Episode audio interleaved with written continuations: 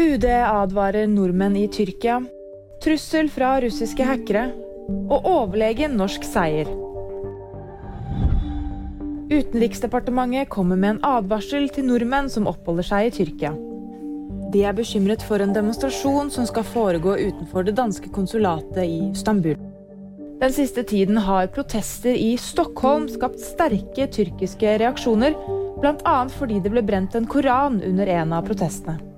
UD ber nå nordmenn om å være forsiktige og om å holde seg unna store folkemengder.